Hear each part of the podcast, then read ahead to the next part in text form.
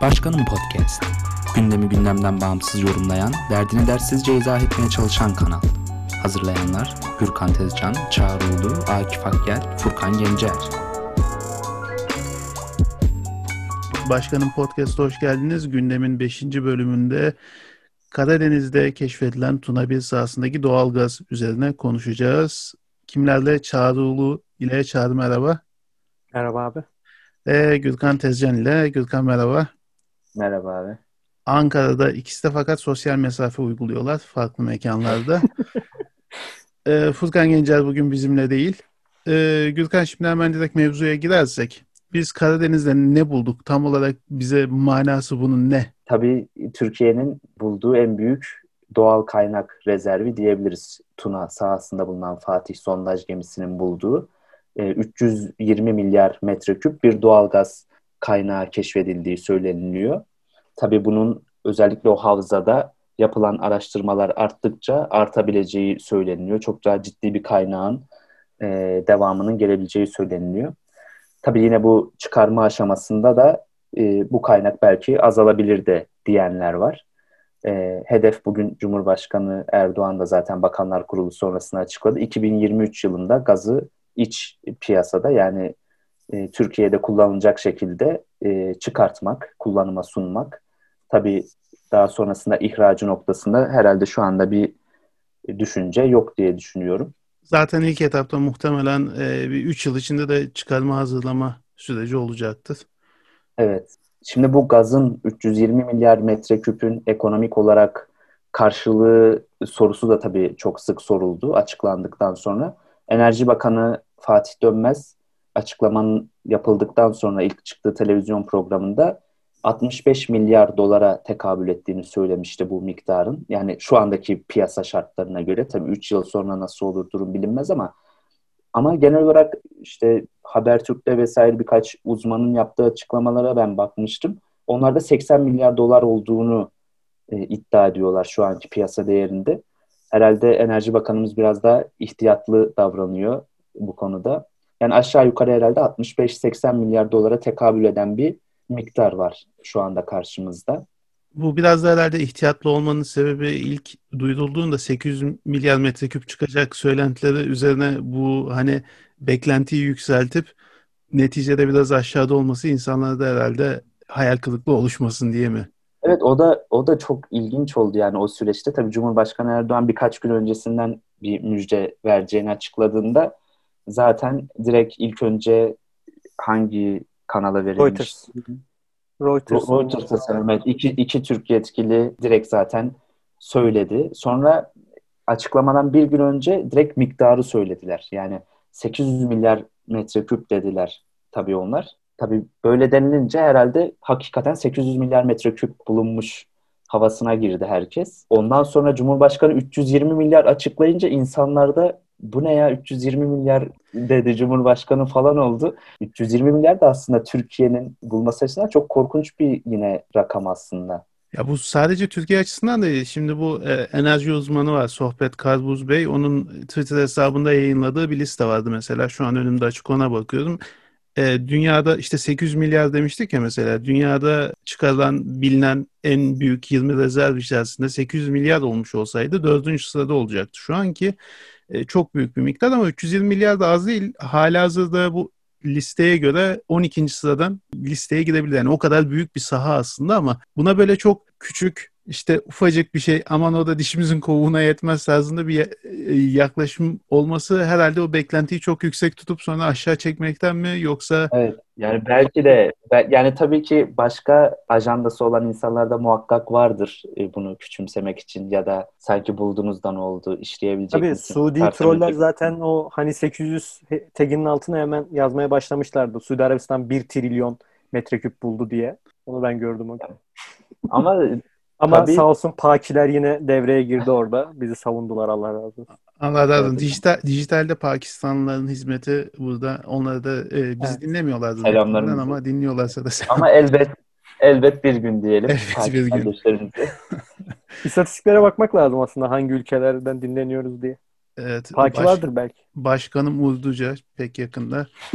Eyvallah. Peki e, bu miktarın aynı zamanda dedik ki işte 320 milyar metreküp az bir rakam değil. Az evvel Sohbet Bey'in e, sunduğu rakamlarla da kıyaslamıştık verilerle. E, İsrail'in bu Tamar'dı sanırım değil mi? Evet Tamar'da. Yani İsrail'in e, Tamar'da bulduğu gaz için bulduğu en verimli gaz olduğu söyleniliyor ve 340 milyar metreküp bulmuşlar. Yani biz Tuna 1'de 320 milyar metreküp bulduk şu anda. Hemen hemen aynı zaten. Bir de, bir de sanırım bizim 9.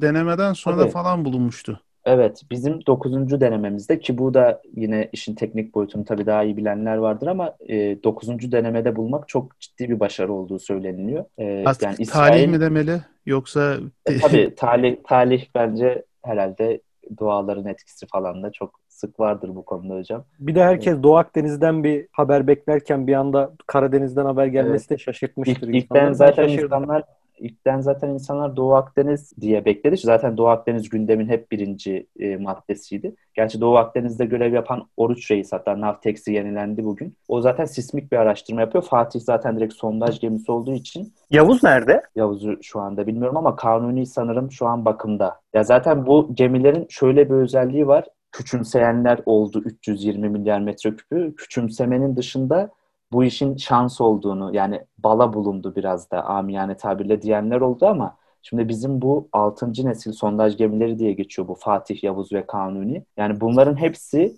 yani 500-600 milyon dolar e, seviyesinde satılan sondaj gemileri ve yani durdukları yerde maliyeti olan gemiler. Yani bunların bakımları var. İşte o çalışmaya giderken çok ciddi maliyetleri olan aletler, çok büyük teknolojiler. Yani düşünün yani denizden bu bu tarz yatırımları belki de bir hiç uğruna da yapmış olabilirdik biz. Bu paraları çok büyük bir risk alınıyor ve bu riski alan kadrolara, bu riski alan Cumhurbaşkanına yani ne yaptı ki bala buldu. Ya bu adam bulamayabilirdi bu yatırımları yapıp o zaman çok daha başka şekilde de eleştirebilirdiniz. İşte paramızı sondaj gemisine mi harcadınız? Onun yerine damak çikolata alsaydınız da diyebilirlerdi yani o zaman. takas ederdik Venezuela'dan petrol alırdık. Evet. E, Çok kıymetli ekonomi profesörlerimizin de öngördüğü şekilde. Yani onun için bu çalışma bir de tabii sismik araştırmalar da var. Kıymetli yani bu bakımdan. Bu Barbaros'la aslında e, Oruç Reis gemisinden önce bir tane de ufak bir Piri Reis gemisi vardı şeyinde İTÜ'nde yanlış hatırlamıyorsam ufak bir sismik araştırma gemisi. İlkini onu yollamıştık. Hatta epeyce de alay konusu olmuştu çünkü e, böyle balıkçı teknesinden bozma gibi görünen ufak bir gemiydi. E, üniversite bünyesinde ancak o kadar tabii. Daha sonra bunlar alınmaya başlandı. Bir dönem çok iyi hatırlamıyorum kaç senesiydi ama bu gemileri almadan önce bizim Karadeniz'de Petrobras'la bir e, sondaj çalışmamız olmuştu. Brezilya'nın evet petrol şirketiyle.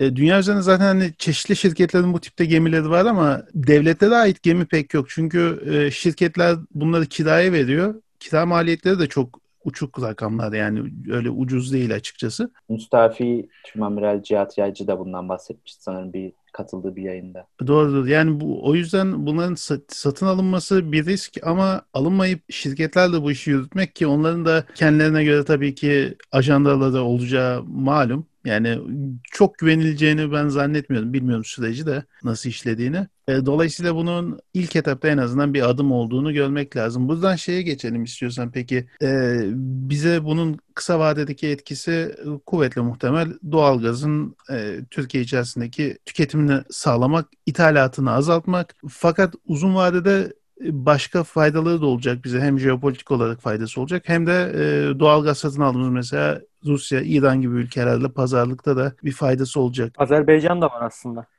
Azerbaycan, Azerbaycan, Katar falan onların hani başka siyasi sebeplerle herhalde çok fazla e, bir söz konusu olmaz da Yine de rahatsızlık olur ya. Yani en nihayetinde ticaret yapıyorsun. almaya Kardeş devam ederiz herhalde.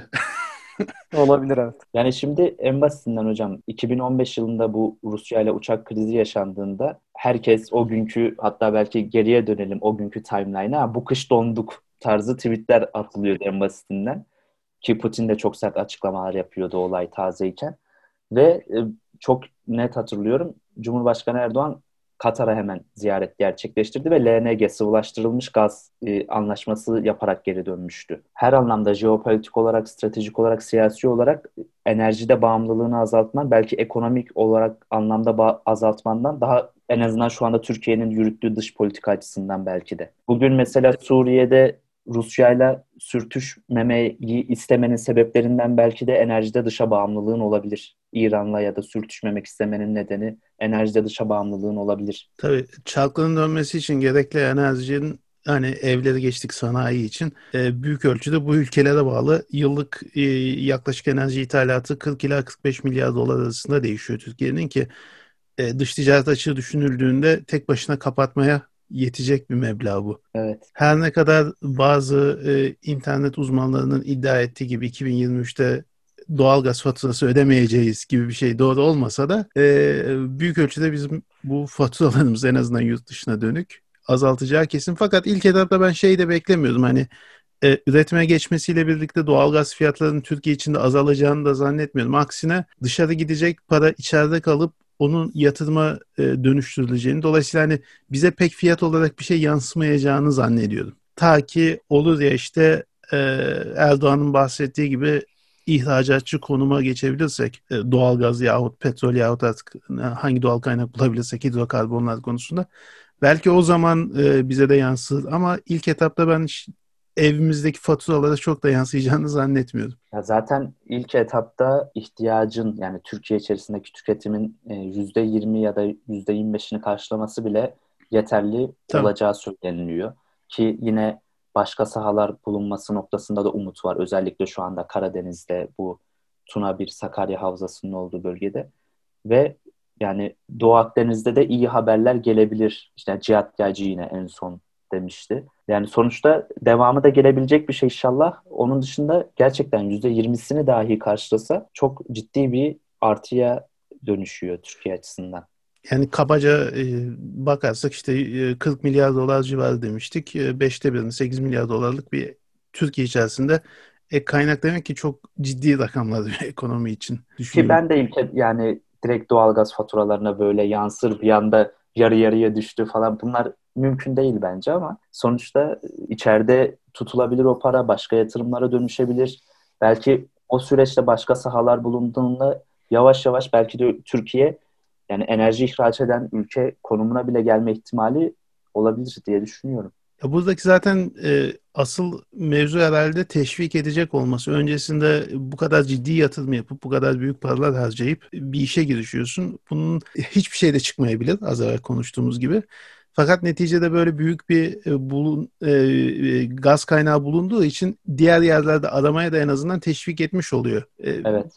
Yani bu alanda belki başka yatırımlar da gelecek. Sadece bunlar şeyle kalmayacak. E, sismik araştırma gemileri yahut bilmiyorum bu sahada başka kullanılan teknik ekipmanlar vardır. Daha ileri teknoloji. Biz bunları kullanmak isteyip de işte maliyetinden çekiniyorsak dahi şu an çekinmeyeceğiz artık.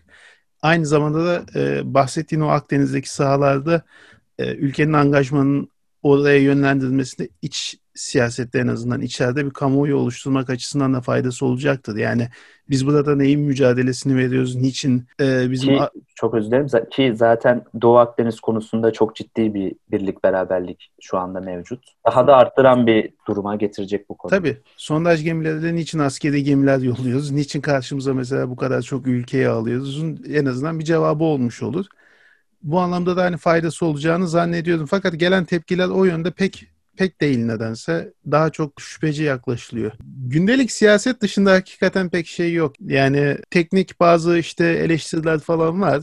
Yahut işte bunun ileriye dönük maliyeti ne olacak, işte şeffaf değil falan gibi böyle tuhaf çıkışlar da var. Bunun dışında ama pek e, makul bir eleştiriye denk geldiniz mi ya da? Yok. Ya ben standart bir Twitter timeline okuyucusuyum genel olarak gördüğüm eleştirilerin hemen hemen hepsi hazımsızlık olarak geldi bana yani. Tabii bir de şey vardı. Özellikle böyle çok daha keskin, e, radikal şekilde muhalefet muhalefet yapan bazı e, Twitter'da da tık e, haberciliğini seven gazetelerin yaptığı taktik vardı. İşte geçmiş yıllarda Türkiye'nin doğal gaz bulduğu ya da işte petrol bulduğu haber haber küpürlerini falan paylaşıyorlardı. Ya bir seçim yatırımı gibi. Ya bu olayında olduğunu söylüyorlardı da zaten Türkiye'de örneğin bu TPA da açıklama yaptı işte Türkiye petrolleri şu anda bu aramayı yapan. Biz zaten buluyorduk dedi. Türkiye'de zaten faaliyet gösteriyor bu adamlar. Türkiye'de petrol de çıkıyor zaten ya da doğalgaz da çıkartılan yerler var. Bu Türkiye tarihinin en büyük bulduğu bulunan şey tabii kaynağı. En büyük kaynağı yani. Zaten Ve bir de tamamen Şey o- bağımsız bulunuyor. Onun da etkisi var Tabii. mı? Kendi gemin, kendi kaynakların. Yani bu kendi gemin noktasında şu, şu dahi aklımıza geldi sonradan. Yani Türkiye'ye bugün savunma sanayi anlamında çok ciddi ambargolar uygulanılıyor neredeyse. İşte F-35'ler verilmiyor. Çünkü F-35'ler verirse şu anda bizim savunma açısından çok ciddi bir açığımız belki kapanacak. Yani bu sondaj gemilerini biz zamanında nasıl almışız? Bu konuda hayır kardeşim bunları size vermiyoruz, satmıyoruz diye nasıl önümüze taş koymamışlar? Bu soru direkt benim aklıma geldi. Bu, bu bana yalnız şeyi de biraz hatırlatıyor. 74'te Kıbrıs Barış Harekatı öncesinde Türkiye'nin çıkarma gemisi isteyip daha sonra yıllar sonra Ecevit'in ya bize Amerika bu gemileri niye verdi anlamadım demesi gibi olmasın sonra hafızanın. Biraz gerçekten e, benim kafamda biraz Ecevit gibi çalıştı bu olayın heyecanı geçtikten sonra. Sonuçta şu an bu saydığımız müspet gelişmelerin hepsi yaşanırsa Türkiye açısından çok ciddi değişimlere sebebiyet olacak. Yani belki bir eksen kayması kadar ciddi bir değişiklik olmayacak ama devamı da gelirse özellikle her anlamda ekonomik, siyasi, jeopolitik çok ciddi artılar olacak. Ben bu yönden başka bir soru sorayım. Sizce eksen kayması yorumu e, biraz abartı mıydı? Abartılı bence. Yani henüz daha bunu sağlayacak miktar yok. Türkiye net ihracatçı olur mesela. O zaman söz gelimi Almanya işte Rusya'ya bağlı kalmaz doğalgaz konusunda söz gelimi seçeneği Türkiye olmuş olur. O zaman belki e, bir eksen belirleyecek noktada enerjinin etkisi olabilir. Ama halihazırda henüz bulunan rezerv Türkiye'nin işte e, çeşitli tahminler vardı şu an yalan olmasın. E, 7 ila 10 yıllık gideri kadar mı? Ne kadar deniyordu? 20 Evet yıllık mı? aşağı yukarı Ha, Yedi- o 10 yıl deniliyor sanırım. 7 ila 10 yıl kadar diyelim. Sadece Türkiye'nin zaten bu kadar değerini ancak karşılayabilecek miktarda. Dolayısıyla bunun hakikaten böyle bir etkisinin olabilmesi için bizim e, ciddi miktarlarda doğal gaz bulmamız lazım. Yahut işte Yani bu da bu da keskin bir yorumdu o zaman. Yani Eksen. e, bence o henüz erken ya olabilir ileride E, cidden hakikaten de Diğer sahalar bulunursa Tabii şu an mesela Almanya'nın hala da ABD ile çok ciddi çatışması var e, bu doğalgaz t- tedariki noktasında. Rusya'dan tedarik ettiği Evet. için. Bazı radikal değişiklerin başlangıcı olarak da yorumlanabilir yani. 9. denemede 320 milyar metreküp kaynak buluyorsun. Belki uzun vadede daha büyük kaynaklar bulacaksın. Ben bu şekilde yorum. Siyasi romantizm de olabilir benimki bilmiyorum. Yani çağrıya şu yönden katılıyorum. Yani belki de ki Cumhurbaşkanı Erdoğan 320 milyar metreküp açıkladığında hani bir gün önce 800 deniliyordu diyenler bazıları şey dedi yani acaba bir taktik mi yapıldı burada? Az, az mı açıkladılar da devamı mı gelecek? Ya da bu sahaların çok verimli olduğunu düşünüp devamının çok ciddi bir şekilde geleceğini düşünerek Çağrı'nın dediği gibi ona göre mi yorum yaptılar acaba?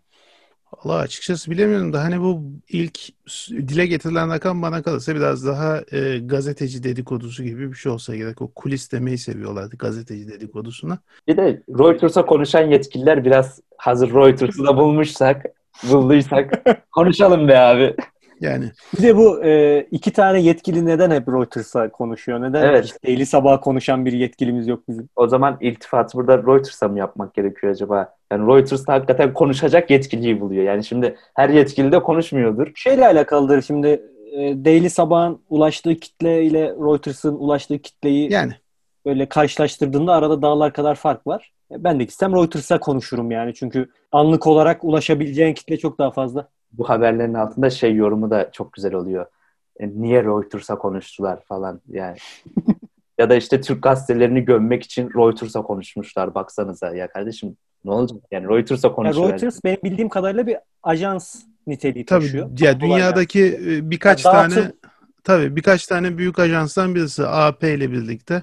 Evet. Yani Reuters'a konuşmak demek AFP aslında New York falan. Times'a da konuşmak demek aynı Tabii, zamanda. tabii. Çünkü Reuters'a giden hemen anlık olarak ona da gider. O yüzdendir diye biliyorum. Şu an bilmediğim sadece tahmin olarak konuşuyorum. Onunla alakalı da bir iyi bilgi vereyim. Aachen'da yaşayan biri olarak.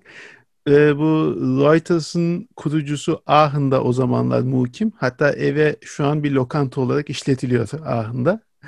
E, Reuters House ismiyle. Burada e, vaktiyle Belçika'dan yanlış hatırlamıyorsam güvercinlerle borsa bilgileri alıyorlar. İlk habercilik eylemini o şekilde gerçekleştiriyorlar. Yani güvercinlerle haber uçurarak karşılıklı olarak ajans böyle kuruluyor. Sayın Başkanım dinleyicileri bu bilgiyi de başka podcast kanalından alamazsınız. Tabii. Direkt arkından bildiriyor Sayın Akif Bey. E, ajans kurmak isteyenlere başlangıç noktası olarak. Şimdi şeye dönersek tekrar bu az evvel bahsettiğimiz işte habercilerin abartması var dedik ama bir yandan da bunun uluslararası medyada başka karşılıkları da oldu. Ben Almanya'da biraz böyle göz atabildim. İşte genelde malum Erdoğan otokrat lider. İşte onun gaz buldu. Acaba bununla ne yapmak istiyor? İşte e, bir seçim yatırım mı? Erken seçim gelecek falan. O az evvel bahsettiğin husus vardı ya her seçim öncesi işte bir müjde gelir falan gibisinden. Fakat hiçbir seçimden önce ben böyle bir şey olduğunu hatırlamıyorum. Ya da herhangi bir e, seçim dönemi dışında da Erdoğan'ın kalkıp ben büyük müjde vereceğim deyip e, çıktığını hatırlamıyorum. Bir de bulunan yerler mesela Türk petrollerinin doğal gaz var mı bilmiyorum da petrol konusunda mesela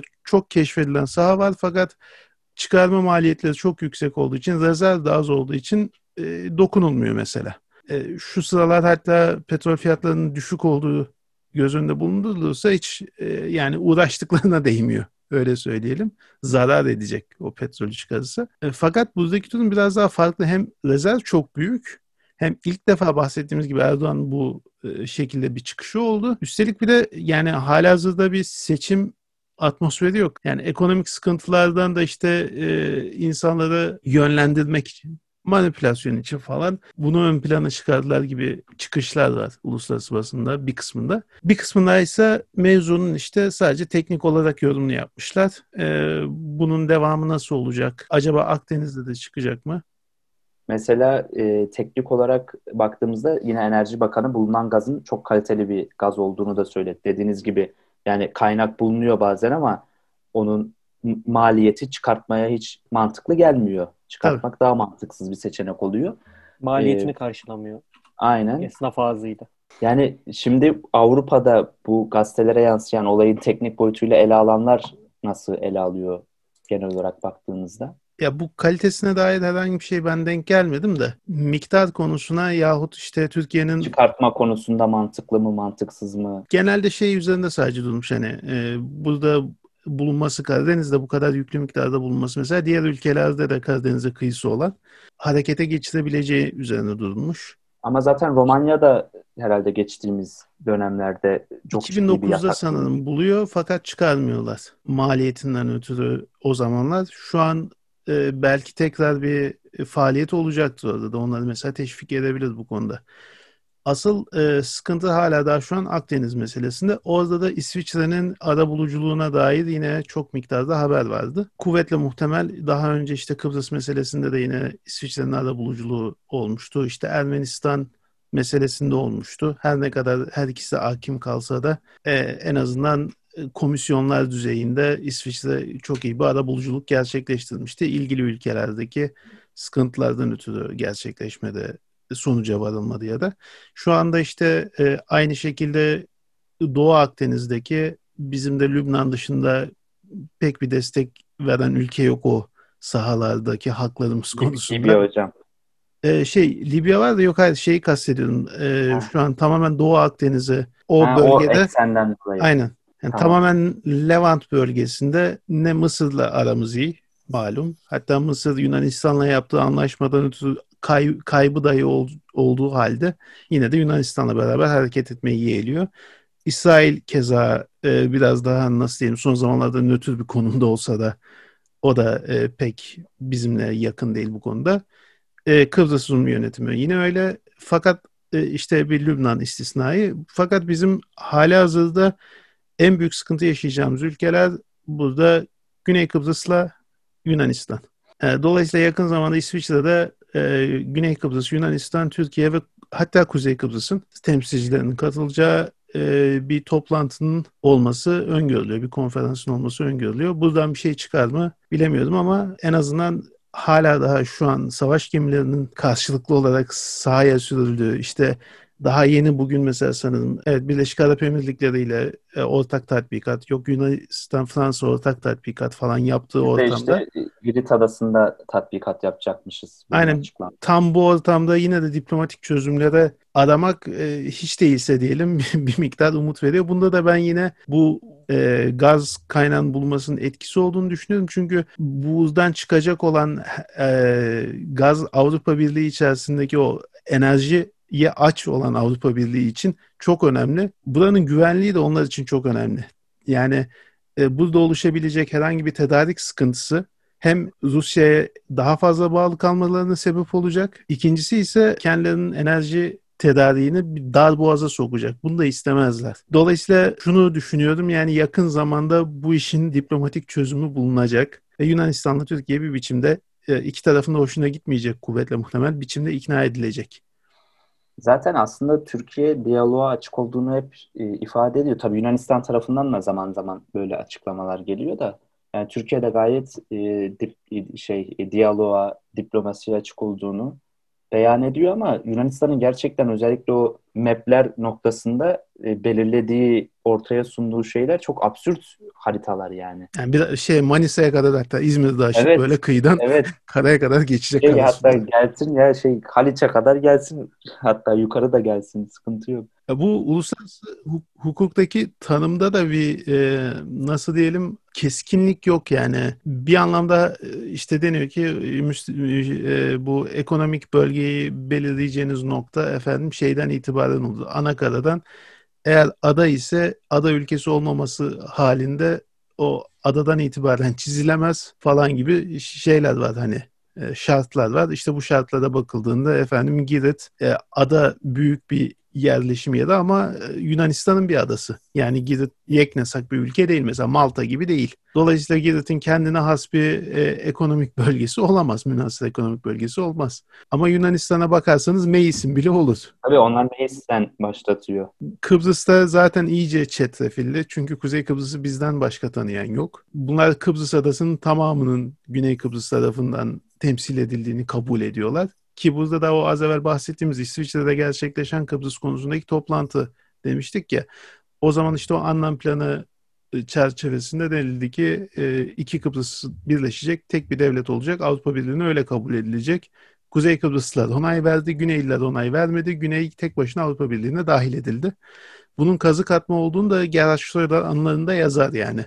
Biz Türkiye'ye söz verdik. İşte e, Hollanda ile Almanya olarak dedik ki işte şey Kıbrıs tek devlet olarak Avrupa Birliği'ne alınacak. E, bunun karşılığında da o zaman kitapta şey olarak geçiyor. Alçak irtifa hava savunma sistemi olarak geçiyor. Kuvvetle muhtemel bu zıpkınla atılganı kastediyorlar. Onun karşılığında da Türkiye bize bunların satışını onaylayacaktı. E, fakat Kıbrıs, Güney Kıbrıs'ı reddettiği halde Avrupa Birliği'ne alınınca Türkiye'ye aslında bir ihanet edilmiş oldu. Türkiye de bize bunları satmadı diye geçiyor Schröder'in anılarında. Buna rağmen hala da Kıbrıs şu an Güney Kıbrıs e, Rum yönetimi tüm adanın hakimi olarak Avrupa Birliği nezdinde kabul ediliyor, temsil görüyor. Buna rağmen Yunanistan'ın ve Güney Kıbrıs'ın Avrupa Birliği'ndeki uğraşları Almanya tarafından bloke edildi. Türkiye'ye yaptırım çıkmadı. Biliyorsunuz geçenlerde denediler. Aynen bunun da sebebi yine bahsettiğimiz üzere Almanya'nın muhtemelen Türkiye'yi eğer e, ya da işte o bölgede çıkacak doğalgaz artık hangi ülkeye ait olursa olsun kendi enerji tedariği için önemli gördüğünden Zaten bu hocam lafınızı kestim ama bir Tamam. yaklaşık bir, bir ay olacak herhalde. Bayağı bir gerilmiş e, ortam Doğu Akdeniz'de. O zaman Merkel e, Erdoğan'ı arayarak bayağı dizginletiyor. Hatta neredeyse kamuoyuna bile bu denli yansıyacaktı. Hatta sonra Cumhurbaşkanı e, tekrar filoları Doğu Akdeniz'e doğru sürdükten sonra işte Mısır'la yapılan MEP anlaşmasından sonra artık yani tamam Merkel beni aramıştı şey yapmıştı ama bu deli saçması anlaşmadan sonra da mecbur bu adımı atmak zorunda kaldık biz. tabii Artık bunları dinlemeyeceğiz demek zorunda kaldı. Türkiye dizginlenmeye biraz müsait gibiydi. Durdu da ilkler ama Mısır'la yapılan anlaşma deli saçması olduğu için artık mecbur sahada da çok sert bir şekilde filoyu sürmek zorunda kaldı. Tabii. Ya o zaman hatta e, Yunan sosyal medya kullanıcılarının alay ederek hani nerede Oruç Reis ne oldu kayboldu falan gibi. E Şimdi Ulusal Güvenlik Danışmanı'nın istifasına kadar gitti olay. Yani Adam Oruç Reis araştırma yapıyor evet dedi diye aldılar adamı.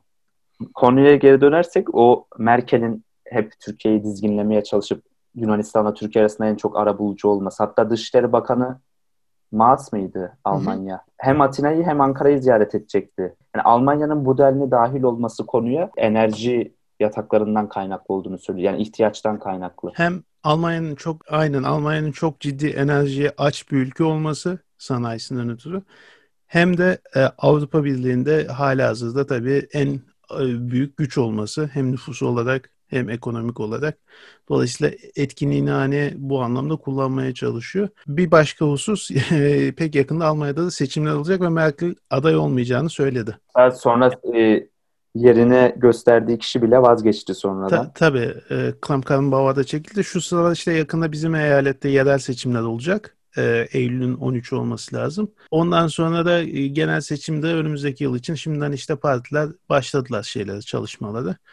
Ama işte e, bu iş sürünceme, sürüncemede kalırsa ve e, iktidara gelecek olan partinin de Türkiye politikası farklı olursa bizim aleyhimizde gelişebilir. Yani o yüzden mevcut hükümetin... Ama yine böyle çok e, Türkiye'ye karşı keskin ve sert tutum içerisinde olacak ya da en azından bu Doğu Akdeniz'deki Almanya'nın şu anda yürüttüğü politikaları tamamen tersine çevirecek kadar isim gelmez diye düşünüyorum. Hala hazırda açıkçası Yeşillerin e, iktidara gelmesine ihtimal veriliyor. Hani birinci parti olması değil ama koalisyonla iktidara gelme ihtimali var görünüyor. Öyle bir şey söz konusu olursa e, bu mesela bizim için sıkıntı çıkarabilir ya da sol bir koalisyon olması halinde sıkıntı çıkarabilir. Ya bu biraz aynen e, şeye benziyor. Hani şimdi Amerika'nın kendine ait bir dış politikası vardır ama işte başkan kimin olduğu ya da hangi partiden olduğu da e, bazen değiştirebiliyor. İşte bundan önce demokratlarda e, demokratların Suriye politikasıyla bugünkü cumhuriyetçilerin biraz farklı malum. Bunun gibi şimdi Almanya'nın devlet politikası elbette olacak ama ayak süreyebiliyorlar. Halihazırdaki Dışişleri Bakanı da mesela koalisyon ortağı Hristiyan Demokratların, Sosyal Demokrat Parti'nin Heiko Maas, Türkiye aleyhinde diyeyim e, birçok şeyi yaptı, yapmaya da devam ediyor. Yani yurt dışında o zaman korona zamanında birçok yerden yardım kabul ederken Türkiye'den gelen yardım dahi ya biz bunu almasak işte alırsak nasıl karşılanır falan e, şeyle çatışmışlardı yani. Çatışmadan kastım hani ters düşmüşlerdi bu Kuzeyden Westfalia eyaleti başbakanıyla o Hristiyan Demokrat oraya gelecek Türkiye'nin yardımını bloke etmeye çabalamıştı öyle söyleyeyim.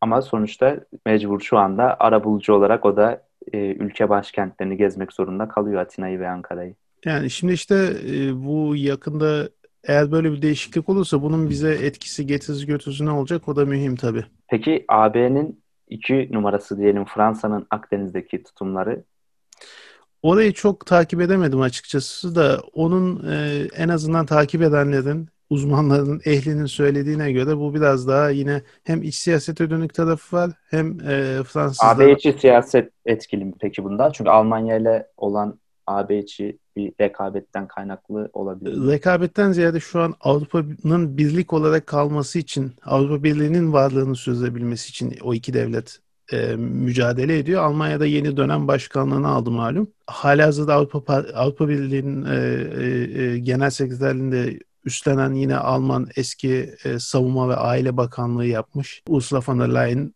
e, yine Hristiyan Demokrat Parti'nin e, üyesiydi. Dolayısıyla Almanya'nın şu an Avrupa Birliği'nin temel sorunlarını çözmeye yönelik çabası daha ağır, daha baskın. Mesela e, benim ilk tahminim oydu. Hala daha bunu çözemediler gerçi de Almanya'nın ilk uğraşacağı şey oy çokluğuna geçme olacak. Avrupa Birliği'nde birçok şey oy birliğiyle alındığı için bir türlü sağlanamıyor. Yani bir sonuca varılamıyor tüm ülkeleri aynı anda ikna edemiyorsun bir konuda.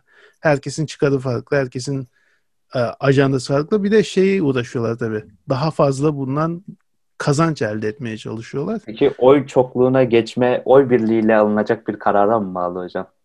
Mesela. yani dolayısıyla e, bu çok çok zor ama en çok işe yarayacak olan da bu. Bu olması halinde e, belki Fransa ile Almanya arasında daha farklı bir yol izleme görebiliriz. Yani Fransa'nın kendi etrafına bir grup ülkeyi alması, Almanya'nın keza aynısını denemesi söz konusu olabilir ama şu haliyle e, AB içerisinde de böyle çok fazla kamplaşma olmuyor. Ufak tefek işte mesela Macaristan Polonya örneği vardır malum. Bunun gibi böyle ufak tefek bazı e, devletlerin diyeyim ters düştüğü vaki ama gördüğüm kadarıyla en azından pek bir şey yok şu an. Daha başka, daha e, önemli sorunları var. E, konu hakkında ekleyeceğiniz başka bir şey var mıydı? Yoksa burada Avrupa Birliği ile onların bu mevzuya bakışlarıyla bitirelim mi? Biraz daldan dala Benim- atladık ama. Benim Çağrı? yok zaten 10 dakikadır. Hiçbir fikrim yok bakışı atıyorum size. O yüzden Gürkan'ın söyleyeceği bir şeyler varsa. Yayınımızın sadece sesli olması da biraz bundan sanırım. Görsel olarak bir şey sunamıyoruz yer yer. Gürkan sen Yani de bence doğalgaz konusunda sonrasında hatta AB'ye kadar girdik. Gayet güzel bir yayın olduğunu düşünüyorum. Tekrardan hayırlı uğurlu olsun diyelim. teşekkür ederiz.